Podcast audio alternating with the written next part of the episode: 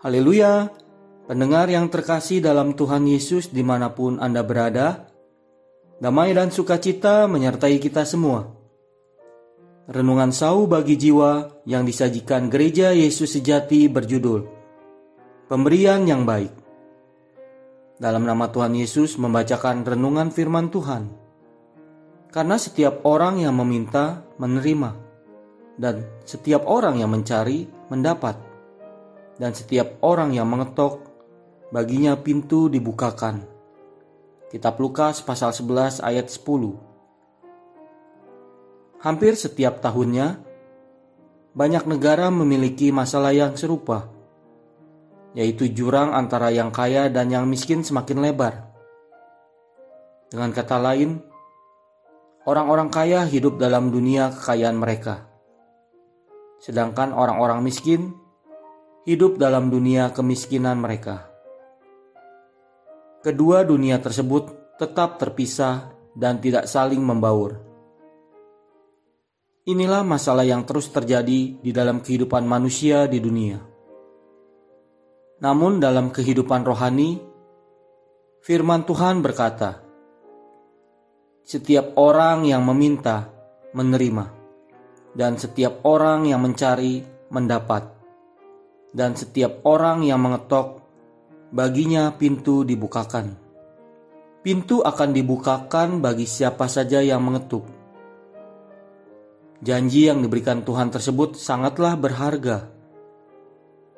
Asalkan kita meminta kepadanya, maka Ia akan memberikan.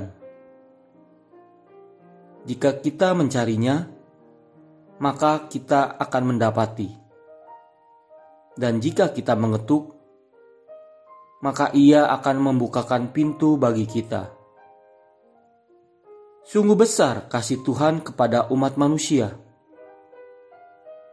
Tuhan adalah pencipta alam semesta yang begitu luas. Apakah artinya kita seorang manusia dibandingkan dengan seluruh ciptaannya? Nabi Yesaya pernah menegaskan, bahwa manusia bagaikan debu di hadapan Tuhan. Saat angin bertiup di jalanan, banyak sekali debu berterbangan di udara. Dapatkah kita melihatnya satu persatu? Begitu kecil debu itu, sehingga sering kali sulit untuk dapat dilihat secara kasat mata. Demikian pula halnya diri kita Mengapa Tuhan begitu memperhatikan kita yang begitu kecil dan tak berarti bagaikan debu? Karena Tuhan telah memberikan hak istimewa kepada kita. Tuhan mau menjadikan kita sebagai anak-anaknya.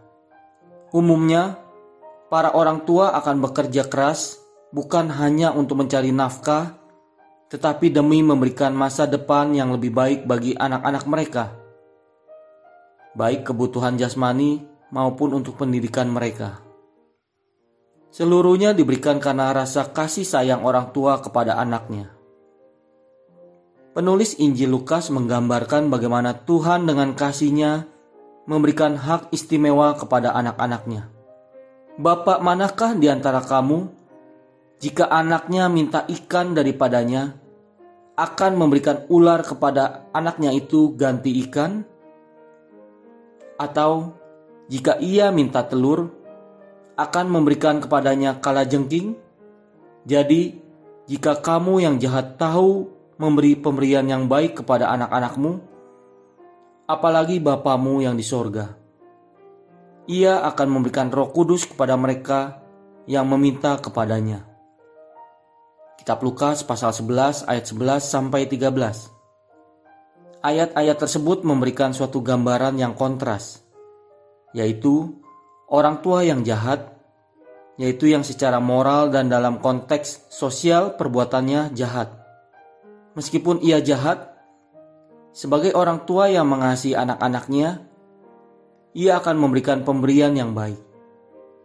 Apalagi Bapa kita di sorga, yang begitu baik dan mengasihi anak-anaknya ia akan memberikan pemberian baik yang tidak dapat dibandingkan dengan orang tua mana pun di dunia. Marilah kita berbalik mencari orang tua sorgawi kita, Bapa di sorga. Ia sudah memberikan sebuah hak istimewa bagi kita, yaitu menjadikan kita sebagai anak-anaknya saat kita dilahirkan kembali dalam Tuhan. Bahkan, ia menjanjikan sebuah pemberian baik, yaitu roh kudus kepada siapa pun yang memintanya. Dan melalui roh kudusnya, kita dimeteraikan untuk dapat masuk ke dalam kerajaan surga bersama-sama dengannya kelak. Tuhan Yesus menyertai kita semua. Amin.